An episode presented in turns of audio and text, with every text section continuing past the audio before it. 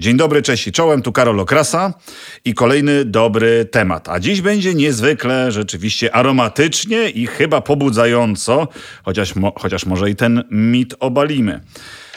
To, o czym dziś powiemy, mm, być może zdefiniuje na nowo każdy wasz następny poranek. O kawie. Wszystko. Z gościem niezwykłym. Gościem, który potrafi zobaczyć to, czego my nie potrafimy zobaczyć. I zaraz wszystko wyjaśnię. Marcin Żońca, autor bloga Popular Coffee. Dzień dobry. Cześć, dzień dobry wszystkim. No właśnie, tak zacząłem, że potrafisz zobaczyć, bo drugą twoją pasją poza kawą, związaną z podróżami, jest oko kamery. Zgadza się, faktycznie e, zawodowo pracuję za kamerą e, już od e, wielu lat. Jest to faktycznie, to też wyszło z pasji, tak samo jak kawa.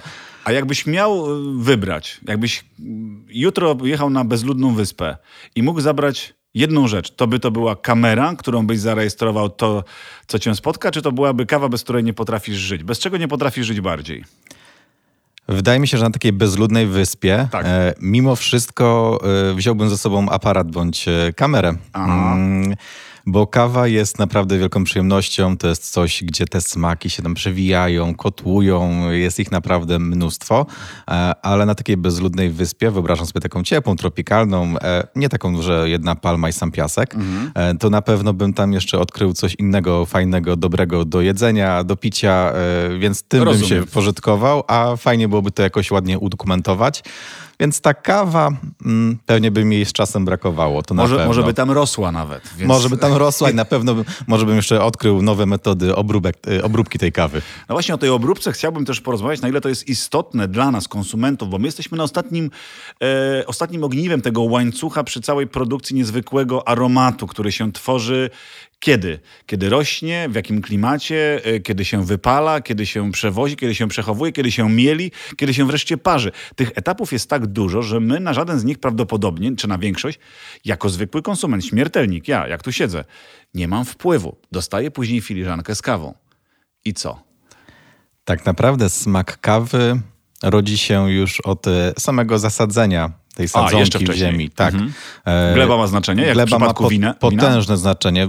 W przypadku kawy również używa się tego sformułowania, jak przywnie terua. Tak jest. E, czyli to, to, jakby to jest połączenie gleby, ilości opadów, nasłonecznienia, wysokości plantacji nad poziomem morza, e, odmiany botanicznej tej kawy, bo to wiadomo, że mamy arabikę i robustę, ale tak w ramach arabiki jest mnóstwo, mnóstwo tak zwanych warietali botanicznych, mhm. które też mają wpływ na to, jak ta kawa później smakuje, niezależnie jak później będzie obrobiona, czy jak będzie wypalona. Mhm. E, więc później jak ta kawa sobie rośnie, kiedy zostaje zebrana, czy jest zebrana... Warunki pogodowe po drodze też mają znaczenie. Oczywiście, że tak. Stopień dojrzałości tych, e, tych owoców e, kawowca, to jak potem z tego owocu wydobywane jest to ziarno, które tak naprawdę nas interesuje, mhm. bo kawa nie rośnie w ziarnach na, na, na krzakach, tylko w formie owoców, wiśni bądź jagód, to w tak zależności od tłumaczenia, takich ładnych czerwonych, bądź e, żółtych, bądź różowych. To wszystko zależy... wygląda przepięknie. Warto zobaczyć, moi drodzy, jakbyście chcieli popatrzeć, bo być może nie każdy ma świadomość, jak ta kawa rośnie, a, ale to są piękne obrazy. To są naprawdę piękne obrazy, zwłaszcza jeżeli to są plantacje na przykład w Kolumbii, które są bardzo wysoko nad poziomem morza, w takich górzystych terenach, bardzo trudno dostępnych. E, więc to, to, ciekawe, że rzeczywiście dużo osób podkreśla, że w Kolumbii są najładniejsze te obrazy, naj, najładniej je widzieli. Nie wiem dlaczego akurat w Kolumbii. Mm, tutaj ten smak jest niesamowity i to, że on się rodzi od samego, samego początku. Mm, potem jak ta kawa jest właśnie wydobywana z tego, z, te, z tego owocu, te ziarno, jakie jest wydobywane, wydobywane z tego owocu, no to, jest, to są już te tak zwane metody obróbki, tych, tych, tych składowych jest dużo, Mnóstwo. ale wspomniałeś o ziemi, o, o terroir. To mnie najbardziej fascynuje. Czy możemy powiedzieć, że jest idealne jakiś terroir? Czy to jest jak gdyby sprawa absolutnie pozadyskusyjna, czyli z każdej gleby, z każdego klimatu uzyskujemy po prostu inne ziarno, inną kawę i my powinniśmy być na to przygotowani. E, nie możemy dyskutować na temat tego, czy kawa jest dobra, czy niedobra, bo to kwestia gustu. Owszem, e, ale ja bym powiedział to w ten sposób, że dobroć tej kawy możemy podzielić na tę dobroć subiektywną i obiektywną. No to dla ciebie. Tak. Brazylia, Ekwador, Kolumbia. Gdzie jest najlepsza kawa? Skąd może pochodzić najlepsza kawa? E... Chodzi o twój smak. Tak, Nie chcę, żebyś wymieniał, oczywiście. że wiesz, e... subiektywna ocena.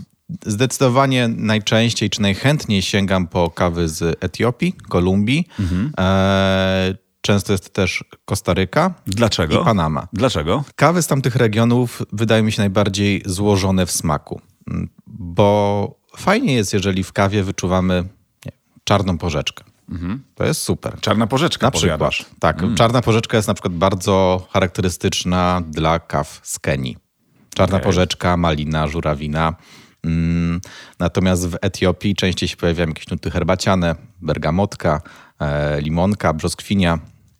E, także co, kto co lubi. Tak? Mhm. Mnie te smaki jakoś najbardziej pociągają ale mm, do czego chciałem nawiązać, to, to to, że fajnie, jeżeli jakby wyczuwamy jakiś jeden bardzo charakterystyczny element. I no, potrafimy go nazwać. I potrafimy go nazwać, to jest super. Natomiast e, ja zauważyłem już po iluś tam latach siedzenia w tej kawie, nazwijmy to, że mnie się bardzo podoba, jeżeli kawa jest bardziej kompleksowa. Czyli fajnie, że jest ta czarna porzeczka, ale, ale jeżeli nie była taka oczywista. Taka prawda? oczywista, że tam się więcej dzieje, że jeżeli kawa jest trochę gorąca... ogonka, trochę liścia, troszkę może zgadza. Się i, i, I, że jakby te smaki gdzieś tam się przenikają, że ta kawa się otwiera w trakcie mm, obniżania temperatury, że jeżeli jest gorąca, to czujemy coś innego w trakcie picia, już tam kolejne smaki się pojawiają, że na początku czujemy jakiś jeden owoc, ale potem ten tak zwany aftertaste już jest troszkę inny. Mhm. Więc to jest super i to jest jakby też e, pokazanie, to też jest e, znak, że kawa jest wysokiej jakości.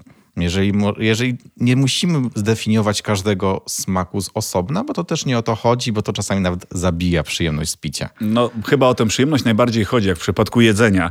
Ale wspominaliśmy o tej dobrej kawy. Y, ja zazwyczaj, jak zaczynam podcast, to słuchacze już wiedzą, że pojawia się tak zwany kącik y, newsowy, czy też faktów.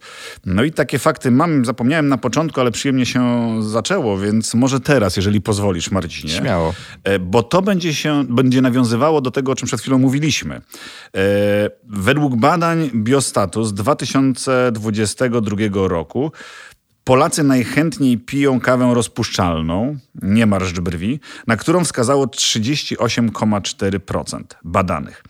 W dalszej jednak kolejności sięgamy już po kawę latte, espresso, cappuccino i każda z propozycji uzyskała wynik powyżej 27%. Z Twoich obserwacji teraz chciałbym wiedzieć, e, siedzisz w branży, e, pijesz, robisz, rozmawiasz. Jaką my, Polacy, najchętniej mm, lubimy kawę? Na, na, na jaką się decydujemy? Faktycznie, kawa rozpuszczalna wciąż jest bardzo popularna wśród Polaków. Mhm. Ja myślę, że to wynika z wielu przyczyn. Z tego, że jest to wygodne, z tego, że jesteśmy do tego przyzwyczajeni, z tego, że nam się wydaje, że dobra kawa wymaga mnóstwo zachodu, mnóstwo roboty, e, że to jest e, drogie, że to, to nie wyjdzie nic z tego, mhm. że trzeba mieć nie wiadomo jakie sprzęty. Mm, więc myślę, że taki strach przed nieznanym troszkę tutaj powoduje, że ta kawa rozpuszczalna wciąż w statystykach króluje. Tak. Jednak ja też dotarłem do takich statystyk, że Polska e, jest w czołówce, jeśli chodzi o ilość sprzedaży ekspresów w Europie. O. To jest naprawdę czołówka, bodajże trzecie miejsce. Więc to też pokazuje, że te zmiany w polskim społeczeństwie następują. Powoli, bo powoli. E, też no, nie mieliśmy za dużo szczęścia i tak naprawdę ten e, rynek kawowy w Polsce może się tam rozwijać od, powiedzmy, od lat 90., a mm. tak naprawdę to dopiero od powiedzmy kilkunastu lat, kiedy Polacy też zaczęli więcej wyjeżdżać, podróżować, widzieć, co się dzieje gdzieś tam w innych krajach, jeżeli chodzi o kawę. Wiedzieć, jak to podstawa, wiedzieć, jak zrobić, wiedzieć, jak nie zepsuć, wiedzieć, jak zmielić, jak zaparzyć, jak e, wyciągnąć te aromaty, o których przed chwilą mówiłeś, ale Marcinie, zdajesz sobie sprawę, że to jest podcast Lidlowy i moi koledzy, których niezwykle szanuję, zawsze mnie proszą, żebym tam im powspominał, e, bo u nas w Lidlu też można już dostać wszelkiego rodzaju sprzęty, które są potrzebne do wydobycia tych aromatów. Jest młynek do kawy, jest ekspres. No, no, jest wszystko to, czego my pragniemy. Czy chcemy mieć bardziej we wschodnim stylu tę kawę zrobioną, czy chcemy być bardziej współcześnie, nowocześnie. Kawa na dobrym poziomie zrobiła się dostępna dla każdego. Ja bym nawet pokusił się o stwierdzenie, że każdy może obudzić w sobie baristę.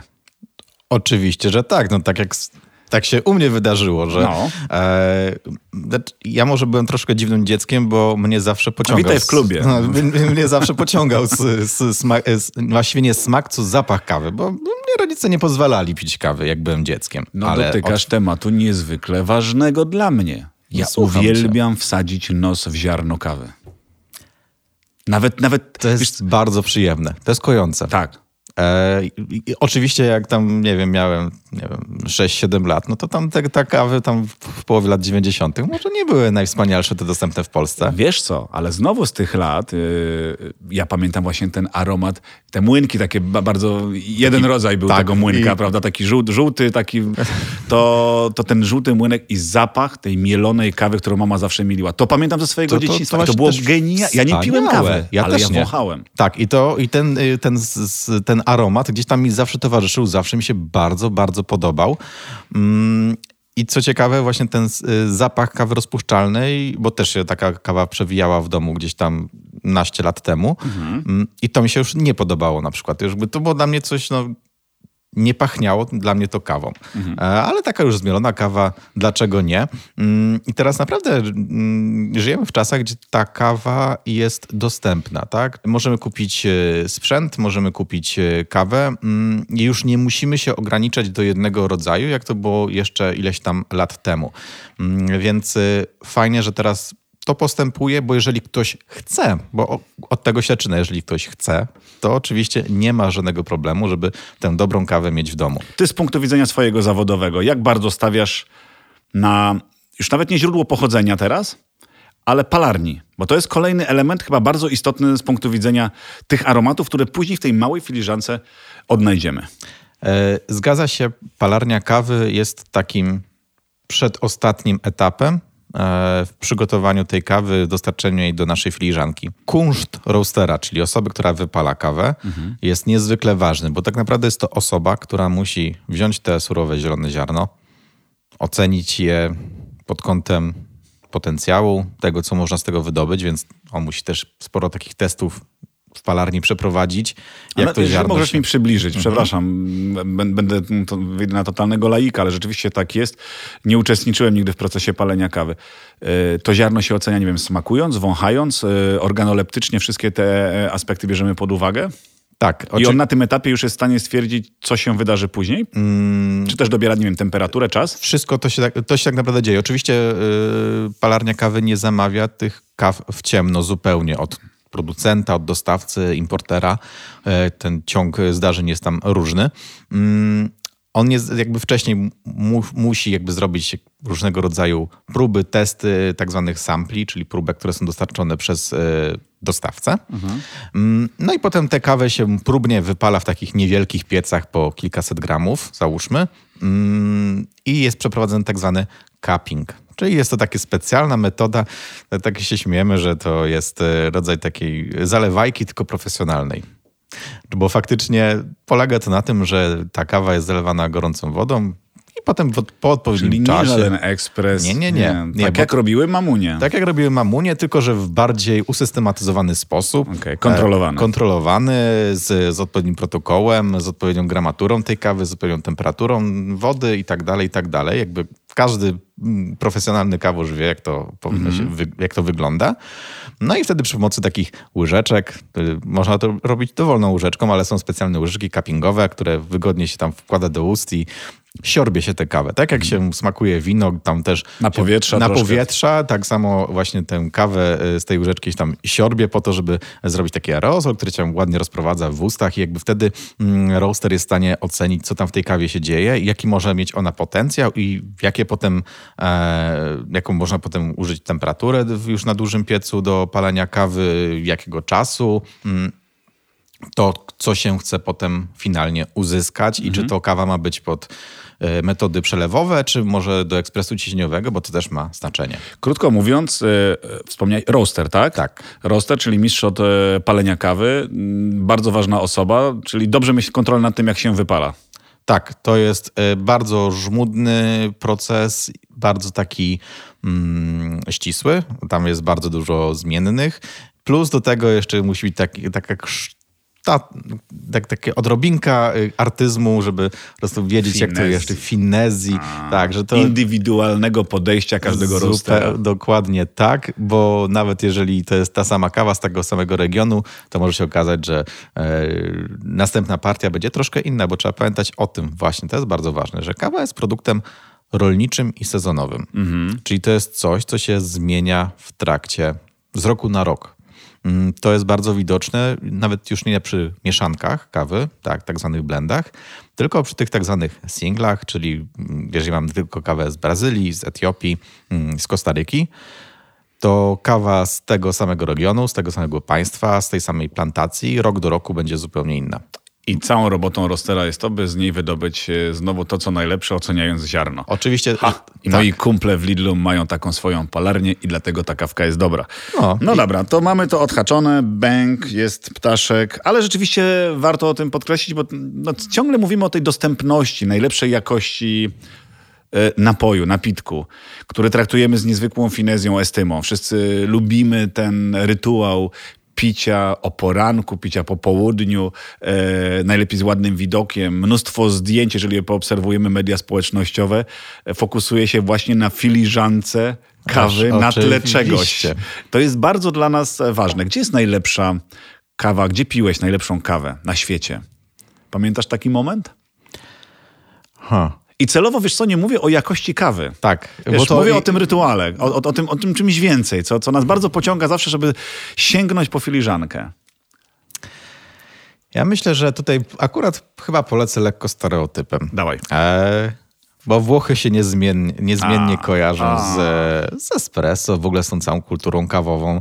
I mimo, że te trendy kawowe mm, we współczesnej kawie poszły troszkę do przodu, zmieniły się, że to espresso italiano przez smakoszy kawy, no to może nie jest to najlepsza kawa pod takim względem jakościowym, mhm. ale i w Polsce niekoniecznie bym po nią sięgnął. Okej. Okay. Ale jak jestem we Włoszech, to jest zupełnie inna bajka. Okay. No, sobie gdzieś tam. Klimacik robi swoje. Klimacik robi swoje, to, że jestem gdzieś tam na urlopie, albo nawet nie na urlopie, tylko nie, służbowo tam pojadę. E, ale właśnie o poranku pójść do takiego niewielkiego baru, e, gdzie się wszyscy znają i są dla siebie kumplami od lat, bo przychodzą tam do tej kawiarni od 40 lat, tak, mhm. od dzieciaka. Mm, I ta kawa kosztuje euro 20. I jest po prostu spokój i taki, a spokój, ale taki gwar przyjemny i jest słońce. I, ja to zawsze nazywam, że to jest taki cichy gwar. To jest taki że on ci nie przeszkadza, nie? Taki kojący gwar, że tam wszędzie, Wtapia, każdy tak, coś gada. Wtap, wtapiasz się po prostu w ten gwar i po prostu czujesz go całym sobą i jakby smak kawy jest tutaj dodatkowym elementem, który to podkręca. Mam wrażenie, że nawet nie jesteś się w stanie oprzeć, nawet jakbyś nie chciał się napić tej kawy, to ona jest tak gdyby z automatu, prawda, że bijemy się o złotą patelnię, prawda, wz jest jak gdyby w pakiecie. No. Oczywiście, że tak i tutaj no, ten smak kawy jest naprawdę yy, niesamowity. Mm, a z drugiej strony, na przykład, miałem okazję być w Brazylii e, na plantacjach kawowych i podczas takiego konkursu, gdzie jest wybierana jedna z najlepszych kaw z sezonu z Brazylii. Mhm. I to już jakby jest zupełnie inny poziom tej kawy. I tutaj już byli sędziowie z całego świata, którzy oceniali te kawy. Mm, I byłem tam jako, nazwijmy to, dziennikarz, jedyny z Polski, i miałem możliwość też spróbowania tych kaw. Oczywiście ich nie oceniałem, ale miałem możliwość spróbowania tych kaw. I to też było niesamowite doznanie, bo z reguły kawy z Brazylii kojarzą nam się, jeżeli ktoś interesuje się tematem, z takimi elementami jak orzech, czekolada, mleczna czekolada, może trochę czerwonych owoców gdzieś tam na finiszu. Mm, generalnie idealna kawa pod to, żeby ją wrzucić do ekspresu ciśnieniowego albo żeby zblendować tam z innymi ziarnami, mhm. jako taka baza do tych blendów pod espresso. Okay. A tu się okazało, że Brazylia, mm, współczesna Brazylia, że jakieś takie wyspecjalizowane plantacje mają naprawdę wielki potencjał, jeżeli chodzi o smak tej kawy. Mm, I tam nagle pojawiają się jakieś owoce tropikalne, mango, marakuja, e, jakieś takie nuty bardziej fermentacyjne. Jakby to był taki obłęd, że mhm. tutaj coś, coś niesamowitego. Czyli ciągle potrafi zaskakiwać. Ciągle potrafi zaskakiwać, chociaż, i mimo że to były świetne kawy, e, to zdarzyło mi się wtedy w ramach tego wyjazdu pojechać do destylarni Kaszasy. Mhm. E, I tam oczywiście poczęstowali nas kaszasą, ale mm, kawą również. I jak siedziałem sobie tam na tym patio z widokiem na takie właśnie piękne brazylijskie pagórki, to tam była było lepsza. Tak, to było świetne i tu nie chodziło wcale o kaszasę. No właśnie, i ten klimat robi swoje. Wspomniałeś o tych nutach smakowych, które są dosyć pięknie opisywane przez ciebie i pewnie przez nas, e, no może niemożliwe nawet do, do wysublimowania tak jednorodnie, ale z drugiej strony chciałbym poruszyć ten temat, czy są różnice, zakładam, że tak, ale czy my jesteśmy w stanie je poczuć? Czy ty mógłbyś się wymienić pomiędzy kawą przygotowywaną na różne sposoby? Zakładamy, że jest to styl, już nawet nie będę mówił maminy, ale roastera. Prawda? Zalewana wodą, tak. plujeczka elegancka, łyżka stoi, czekamy aż pianka opadnie. Ekspres yy, ciśnieniowy, który przygotowuje, a może jeszcze inne sposoby, o których mógłbyś powiedzieć? I jakie są różnice, czy z jednego blendu, czy z jednej kawy jednorodnej jesteśmy w stanie wydobyć zupełnie inne aromaty na różne sposoby ją przygotowując? Tak, metoda parzenia bardzo wpływa na ostateczny smak kawy. Oczywiście te nuty główne będą podobne, ale mogą być troszkę mniej lub bardziej wyraźne mhm. w zależności od metody przygotowania. E, I tutaj... Czy któraś z tych metod, przepraszam, że mhm. wejdę w słowa, czy któraś z tych, met... czy jest jakaś najgorsza metoda, po którą nie powinniśmy sięgać? Wydaje mi się, że wbrew pozorom nie powinniśmy sięgać w miarę możliwości po tę maminą zalewajkę. Okej. Okay. E, bo jeżeli, oczywiście nie mówię tutaj o tym profesjonalnym cuppingu, bo to też każdy tam roaster czy osoba związana z kawą wie, jak to zrobić, żeby dobrze poczuć tę kawę. Natomiast w warunkach domowych nie polecam, mm, z tego względu, że nie mamy żadnej kontroli nad tym, jak ta kawa się parzy. Mhm. Jedyną kontrolą mamy to, ile tej kawy tam wsypiemy, ile wody wlejemy, co jest ważne, pewnie później o tym powiemy, ale Potem już jak ta kawa się parzy, nie mamy właściwie żadnej kontroli. I ona sobie tam w tej filiżance czy tam w kubku leży i leży 5 minut, 10, 15, Tak, kubek, parę grubość godzin. kubka. Ja wiem, że teraz trochę pewnie każdy przewraca oczami, jak nas słucha, ale wydaje mi się, że to jest tak jak w kuchni, że, że, że wkładamy coś do pieca i mówimy e, optymalny czas do wypieczenia w żaroodpornym naczyniu, tylko pytanie, czy to naczynie było nagrzane wcześniej, czy, czy ono jest grube, czy ceramiczne, czy szklane. Czy szklane Oczywiście, czy... że tak. To jest tyle zmiennych, które powodują, że ten czas czas kompletnie nie ma żadnego sensu, że trzeba to obserwować i być może to doświadczenie tutaj odgrywa ważniejszą doświadczenie rolę. Doświadczenie jest bardzo, bardzo ważne. Mhm. Kawy trzeba się nauczyć, trzeba ją czytać w pewien sposób. Tak samo jak w kuchni czytamy, e, tak jak słynne przepisy, no i tak, ile mąka zabierze? No, no, no, właśnie. No ile mąka zabierze? No to, to się wyrabia z doświadczeniem, ile mąka zabierze i czy to jest wystarczająco dużo, nie wiem, wody czy tam czego innego składnika. E, I z kawą jest tak samo, że mamy pewne zmienne, pewne wytyczne, których warto się trzymać, mm, ale y, no, trzeba też się nauczyć trochę obserwować tę kawę. Warto, bo wtedy można naprawdę z, z swoich ziaren ulubionych, niezależnie jakich, e, wyciągnąć lepsze smaki i aromaty. To jak najlepiej przygotować mieloną kawę, jeżeli już mamy ją zmieloną? Jeżeli mamy już zmieloną kawę, mm, to wtedy i lubimy taką zalewajkę. Ja lubię. No to super. Dlatego pytam. Warto wtedy zaopatrzyć się w urządzenie za kilkanaście, kilkadziesiąt złotych, to tak zwany French Press. To jest, jest w tak- Lidlu? Jest w Lidlu. Oczywiście. E, to jest bardzo proste urządzenie, czyli to jest szklany pojemnik i taka praska z sitkiem. Mhm. Nic więcej nie potrzeba. Wsypujemy, wygląda banalnie. Wygląda banalnie i można z tego uzyskać naprawdę fajne efekty, mm, bo wsypujemy tam zieloną kawę, zalewamy to gorącą wodą mhm. i po pewnym czasie przelewamy do filiżanki. Dlaczego to jest lepsze od zalewajki? Ano dlatego, że te fusy zostają mimo wszystko w tym French Pressie. Więc przerywamy proces parzenia tej czyli kawy. chodzi o to, żeby nie moczyć przesadnie długo y, mielonych ziaren kawy, czyli tych fusów. Zgadza się, mhm. bo wtedy już wyciągniemy z tej kawy te smaki, aromaty, których nie chcemy. Będzie bardziej cierpka, gorzka, bardziej szkodliwa dla żołądka, bardziej obciążająca, mm, więc tutaj te kilka minut we French Pressie jest zdecydowanie lepszą opcją niż kilkadziesiąt minut w filiżance. O, teraz wszyscy z rozpaczą wspominają tą żużel, który zostawał zawsze w szklance. Jak ja będę żył... I jeszcze podobno niektórzy z cukrem rozrabiali i wcinali. Tak słyszałem, nie próbowałem. Naprawdę? Go to takie... Tak, tak, słyszałem, że niektórzy no, dziadkowie czy babcie, no to potem jeszcze tam do tych fusów tam łyżeczka cukru czy dwie, a, mieszali, mieszali. Z, wiesz, ze światopoglądem babci czy dziadka się nie wolno dyskutować nie Nic się nie mogło nigdy marnować. Oczywiście. Więc fusy z kawy też pewnie mogły być zjedzone. I... Pewnie dałoby się kruszonkę jeszcze z tego zrobić. To byłoby bardzo... Albo jakąś paniereczkę. Na przykład. Y- Chociaż kawa też jest dobra do kwiatków, jako nawóz. Tak słyszałem. Tak. Chociaż też to trzeba... działa? Tak, tylko trzeba wybrać takie kwiatki, które lubią lekko zakwaszoną glebę. Okej, okay. no to już niech tam ogrodnice się tym martwią. Wspomniałeś o pewnym błędzie, czyli zbyt przesadnym moczeniu fusów, ale są jeszcze jakieś inne błędy, które nagminnie popełniamy pijąc kawę? O, zdecydowanie jest jeden nagminny błąd, mianowicie woda. Woda? Woda. E, jakby nie patrzeć, kawa składa się plus minus w 98% z wody. Więc jeżeli weźmiemy słabej jakości wodę, to choćbyśmy nie mieli, jak choćbyśmy mieli najlepsze ziarna na świecie, e, deluxe z Lidla, tak? Tak jest. E, to... To możemy ją zepsuć. To możemy ją zepsuć, po prostu. E, bo najczęściej w polskich kranach, bez żadnych filtrów, e, mamy bardzo twardą wodę. Twarda woda oznacza to, że w tej wodzie jest mnóstwo, mnóstwo takich drobnych, drobnych tam elementów, najczęściej wapniowych, już bez wchodzenia w szczegóły, ale generalnie tam pływa mnóstwo, mnóstwo cząsteczek. Tak. Więc jeżeli parzymy tą, tą wodą kawę, no to ta kawa już po prostu nie ma tam miejsca w tej wodzie, żeby się rozpuścić.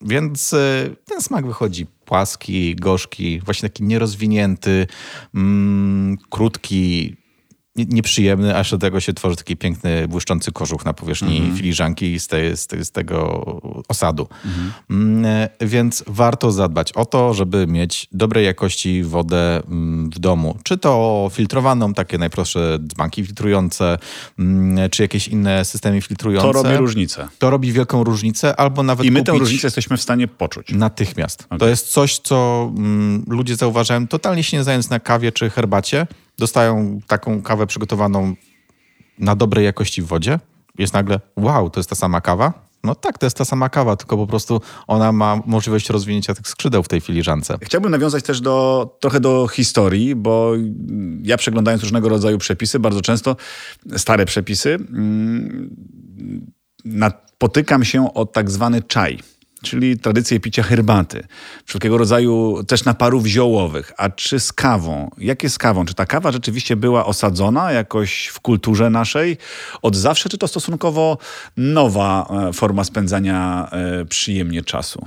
Kawa w Polsce no, nie było jej od zawsze że tak powiem. Mhm. Faktycznie ta herbata czy inne trunki były bardziej popularne w Polsce. Napary napary, tak, y, ziołowe. No jakby jeżeli popatrzymy do zielnika naszych babci, no to wiadomo, A, się parzyło. Kwiaty, zioła, korzenie. Super, to jest bardzo fajne i może być naprawdę dużym takim potencjałem kulinarnym. Natomiast jeżeli chodzi o kawę w Polsce, to ona się u nas stosunkowo niedawno pojawiła, bo to jest przełom bodajże XVII-XVIII wieku. E, I najprawdopodobniej gdzieś tam to są tereny tureckie, mm, bądź ogólnie Bliskiego Wschodu, gdzie ta kawa... Tak głosi pismo. Tak, tak głosi pismo. Nie zweryfikujemy tego, czy na pewno tak było, mm, ale no jest duże prawdopodobieństwo, że tak. Mhm. Więc, a dopiero tak naprawdę XIX-XX wiek to jest troszkę większy rozwój tych, tych kawiarni e, i w ogóle picia kawy w Polsce, no bo generalnie kawa się przyjęła w Polsce. Myślę, że całkiem nieźle. E, ludzie piją tę kawę, lepszą bądź gorszą, ale mimo wszystko piją. No w końcu no tak, została ma... wymyślona po to, żeby pobudzać, tak? Czy jakby stwierdzono, że ona pobudza. No a Polacy wiadomo, że w naszym kraju ciężki żywot czasami bywa, więc y, ta kawa się przydaje. Tak, do pobudzenia zdecydowanie tak, ale być może dlatego też tak ciężko szło z jej popularyzacją, bo na początku rzeczywiście były sprzedawane y, zielone ziarna tej kawy, y, co utrudniało jak gdyby proces wydobycia tych aromatów, które by nas od razu połechtały. No i kawa też, umówmy się, no była produktem luksusowym kiedyś. Tak. Zresztą do tej pory myślę, że wydaje się, że kawa uchodzi za produkt luksusowy, tak. Mm, e, ale bardzo potrzebny w życiu wielu osób. I faktycznie to, że mm, kawy można było się napić tylko w kawiarni, gdzieś tam powiedzmy w XVII-XVIII wieku, a, mm, gdzie ją wypalano na miejscu. A natomiast y, no, zabranie takiej kawy do domu wiązało się z tym, że trzeba było mieć jakieś tam urządzenie, jakąś nie wiem, patelenkę czy jakieś tam inny piekarnik, żeby, żeby ją, ją uprażyć. uprażyć. Co też myślę, że nie było wcale prostym sposobem i te efekty wcale nie musiały być jakieś świetne. No to chyba z kawą jest podobnie jak e, z czekoladą i, i ziarnem kakaowca, gdzie, gdzie na początku Aztekowie pili to po prostu jako brunatną, brudną wodę, e, cierpką, nie do końca absolutnie przypominającą tę czekoladę, którą znamy dzisiaj. E, no już na pewno nie pitną czekoladę, ale, ale to się wszystko pięknie ułożyło. I, I dzisiaj mamy znakomitej jakości ziarna. Mamy ziarna, no właśnie, które są najlepsze? Czy, czy ty wolisz blendy, czy jednorodne, czy jakbyś miał tak wybrać, wskazać, a może wiesz, co my Polacy pokochaliśmy najbardziej? Który rodzaj kawy? Jeżeli chodzi o mnie, to faktycznie bardziej się skłaniam ku y, jednorodnym kawom. Mhm. Mm, bo mnie interesuje to, w jaki sposób ta kawa z danego regionu smakuje. Jednorodny, czyli z konkretnej plantacji, z tak. konkretnego kraju. Im mówimy. więcej mamy informacji na temat skąd ta kawa pochodzi, czyli nie tylko, że Panama, ale mhm. że konkretny region, plantacja, czasami nawet producent, metoda obróbki i na jakiej wysokości ta plantacja tam się znajdowała, to pokazuje, że y, no, ta kawa może być wysokiej jakości, bo jakby nie ma potrzeby ukrywania tych informacji. E, ale to już jest w ogóle temat na, na osobną mhm. bajkę, bo tam można się wgłębiać i wgłębiać. Mm, natomiast w Polsce wydaje mi się, że królują blendy. Mm, przede wszystkim dlatego, że są w dużej mierze bardzo powtarzalne. Czyli jeżeli lubimy jakąś konkretną kawę, mm, konkretną markę, konkretne ziarna i to jest blend, to one są tak tworzone, żeby na przestrzeni lat mniej więcej smakowały tak samo. Nie będą smakowały tak samo, bo to o czym gadaliśmy, że no, kawa jest tym takim produktem sezonowym i tak. No i tutaj jest, trzeba po, po tutaj chylić czoła przy, przy firmach, które produkują kawę i robią blendy, żeby one były jak najbardziej powtarzalne na przestrzeni lat. Czyli tak muszą manewrować tutaj składem tej mieszanki, żeby mniej więcej to samo tutaj się zadziało w filiżance. A propos tego samego, co się ma zadziać w filiżance, wspomniałeś o ilości e, wody i ilości kawy. To są jakieś proporcje, których powinniśmy przestrzegać? E, zwłaszcza przy metodach przelewowych. Mhm. Mm, to tutaj jest taką dobrym punktem wyjścia jest 60 gramów kawy na 1 litr wody. Okay. Dlatego warto mieć w kuchni wagę. Warto mieć stoper. Żeby poczuć to, co ty czujesz. Żeby poczuć to, co ja czuję, żeby mieć po prostu jakąś powtarzalność. Mhm. E, jest taki e, dowcip branżowy, e, jak można najbardziej obrazić baristę, mhm. powiedzieć mu, że jest niepowtarzalny.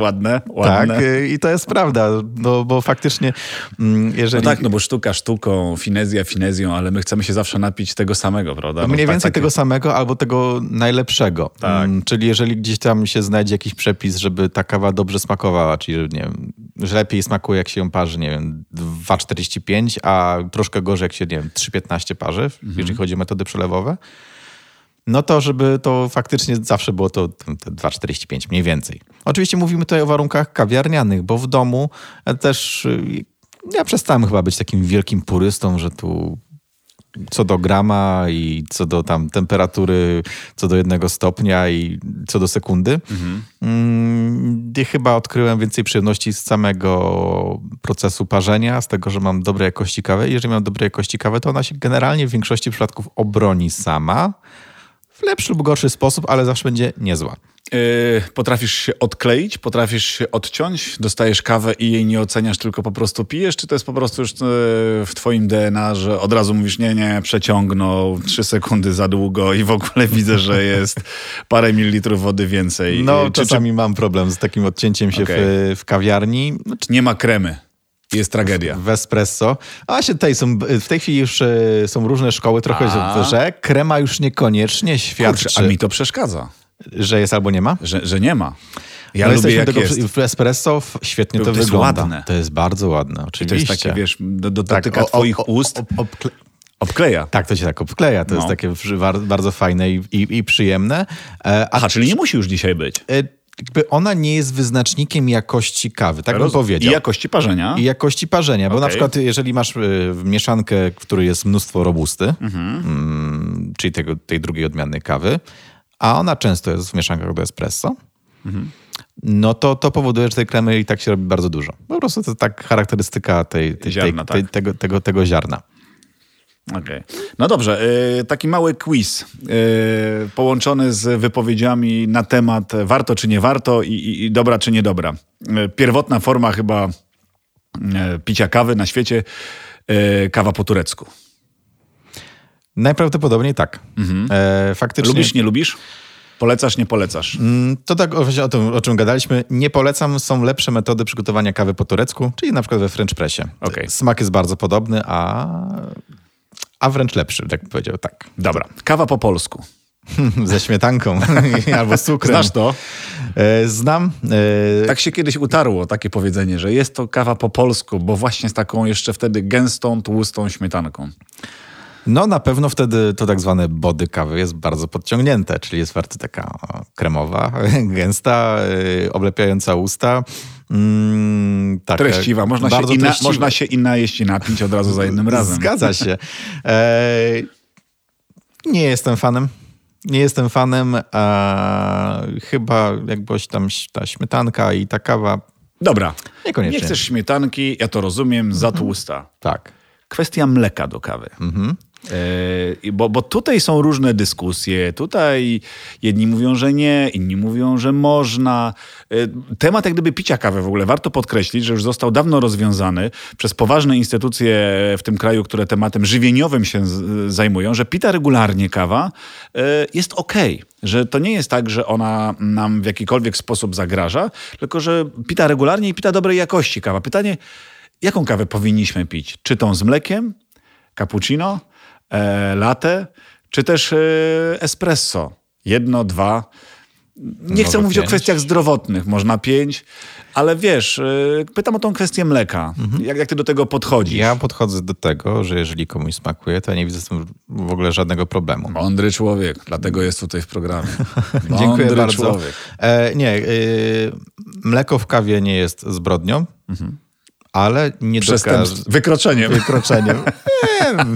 Wydaje mi się bardziej, że yy, mleko mm, może po prostu nie zagrać w pewnych kawach. Jeżeli weźmiemy sobie taką metodę przelewową, weźmiemy sobie jakąś taką mocno owocową kenię, tak, i taki duży kubek kenii sobie gdzieś tam nalejemy i do tego dodamy mleka, to po prostu nie zagra. Mhm. To będzie po prostu niedobre. Okay. Sprawdzałem kiedyś na własnej skórze, w czystej ciekawości. No i pięknie. I słuchajcie, macie gotowe rozwiązanie, nie popełniajcie tych błędów, nie które warto. ktoś za was popełnił. Ale na przykład e, miałem okazję pić e, kawę przygotowaną przez jedną tam z mistrzyń e, baristów e, parę lat temu. Przygotowano cappuccino, takie klasyczne, ze spienionym mlekiem w odpowiedniej mhm. temperaturze. I użyta była kawa bardzo wysokiej jakości za naprawdę horrendalne pieniądze. Mhm. I ona jak, jako espresso miała nuty bardzo wyraźne i brzoskwini, e, i owoców tropikalnych. Tam w ogóle zero goryczy, czysty owoc i to taki mega dojrzały, soczysty. Jakbyś pił drinka jakiegoś na O, plaży. dokładnie tak, dokładnie tak. Tak to przynajmniej brzmi. A w, po dodaniu mleka, takiego spienionego, to się stworzył taki, no jakbym jadł jogurt z kubeczka.